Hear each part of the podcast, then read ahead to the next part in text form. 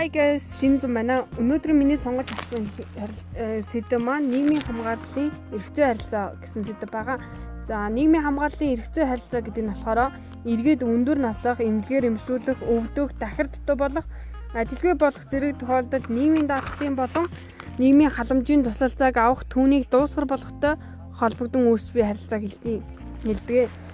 А нийгмийн эрхцээ харилцаан дотор нийгмийн даатгал болон нийгмийн халамж гэсэн хоёр төрөл хуваагддаг нийгмийн даатгал нь болохоор иргэн болон төр аж ахуйн нэгж байгууллагаас зохих журмын дагуу шимтгэл төлж нийгмийн даатгалын сан бүрдүүлэх даатгалагч өндөр наслаа хөдөлмөрийн чадвараа алдах өвчлөх ажилгүй болоход өөрт нь тэршлэн даатгалагч насарахад түүний асрамжид байсан хүмүүст хууль тогтоомж заасан тэтгэр тэтгэмж төлбөр өгөх агуулга бүхий нийгмийн гинсийн харилцааг нийгмийн даатгал гэж хэлдэг.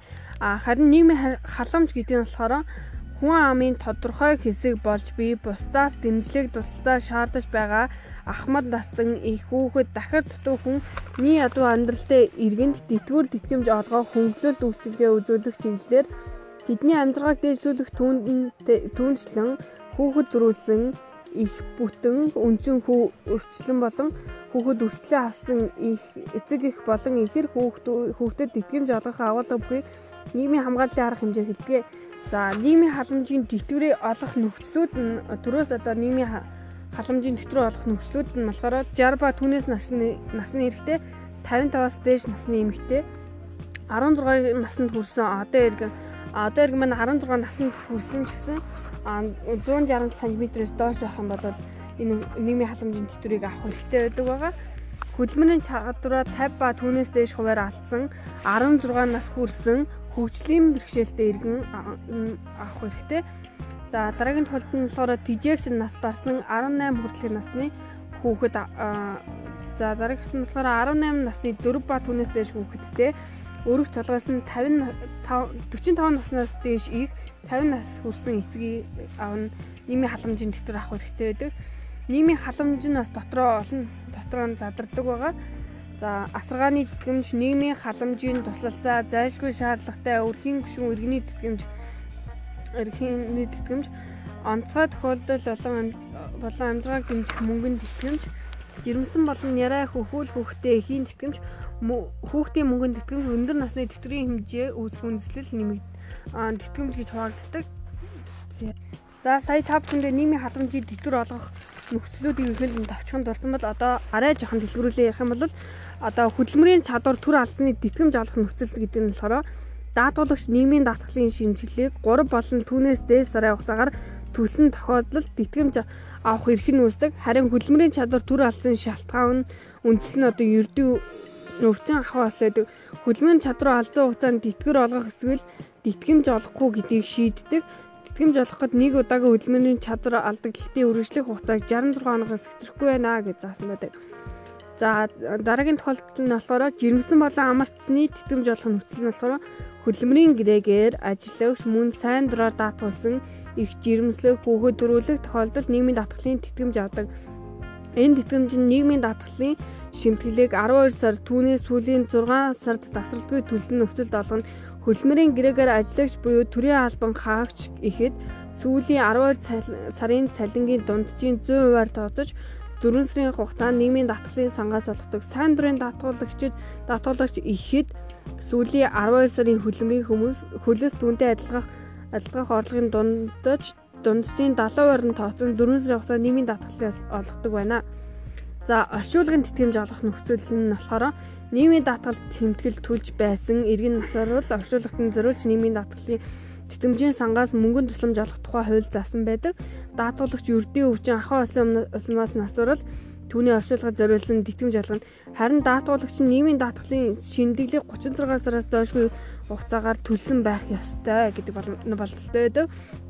За дараагийнх нь болохоор ажилгүйдлийн нэтгэмж олох нөхцөл даатгуулагч нь ажилгүйдлийн даатгалын шимтгэлийг ажилгүй болохоос өмнө 24 сараас доошгүй хугацаанд үүнээс сүүлийн 9 сард нь харилцан тасралтгүй төлсөн нөхцөлд ажилгүйдлийн тэтгэмж авах эрх хүрсэн.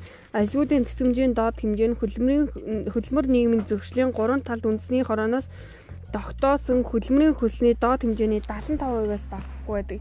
Бид нар ингээл аюу олон сараар ингээл нийгмийн татгалд мөнгө төлөөд яг яах гэж ингээд төлдөг гэх юм бол одоо хөсрөөд ирэхээр тэтгэврд гарахад нийгмийн татгал маань хэрэг болдог байгаа.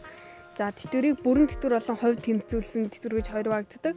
За өсвөр насны тэтгэвэр тогтоолох эрх үүсэх үндэслэл нь За бүрэн тэтгэврийн үндэслэл нь болохоор нийгмийн даатгалын тэтгэврийн даатгалын шимтгэлийг 20-оос доошгүй дил төрсөн жил төлсөн 60 наснд хүрсэн эрэгтэй 55 наснд хүрсэн эмэгтэй.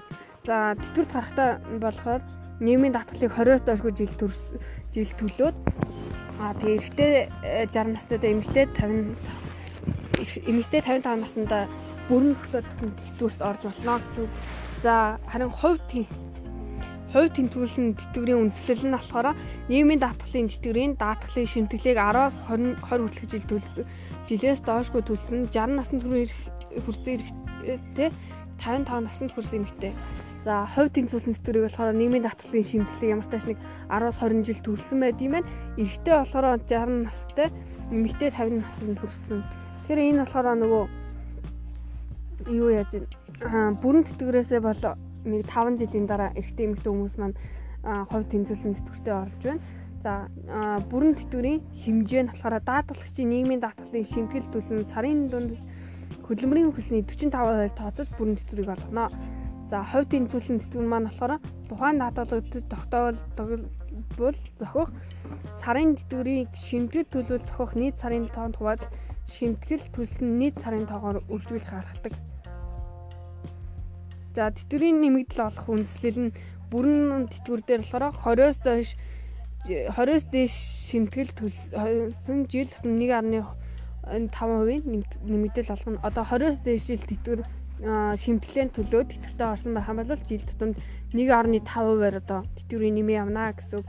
За бүрэн тэтгэвэр болоо хувьд тэмцүүлсэн тэтгэвэр одоо аль алин дээр тэтгэврийн нэмэгдэл олох үндсэл нь болохоор Дээрх байдлаар тэтгэвэр тогтоолгосон боловч 12 сараас доошгүй хугацаанд ажил хөдөлмөр эрхэлж нийгмийн даатгалын шимтгэл төлсөн тэтгэвэр авах хүсэл гаргасан болон тэтгэврийн хэмжээг анх тэтгэвэр тогтоосон дундад цалингаас нь тооцож өөрчлөн тогтооно. Одоо ингээ 12 сараас доошгүй хугацаанд ажил хөдөлмөр эрхэлж нийгмийн даатгалын шимтэл төлсөн тэтгэвэр авахч маань өөрөө ингээд хүсэл гаргах юм бол тэтгэврийн хэмжээг анх тэтгэвэр тогтоосон дундад цалингаас нь тооцож өөрчлөлт тогтоож болтгоо. Анхаарал хандуулсанд баярлалаа.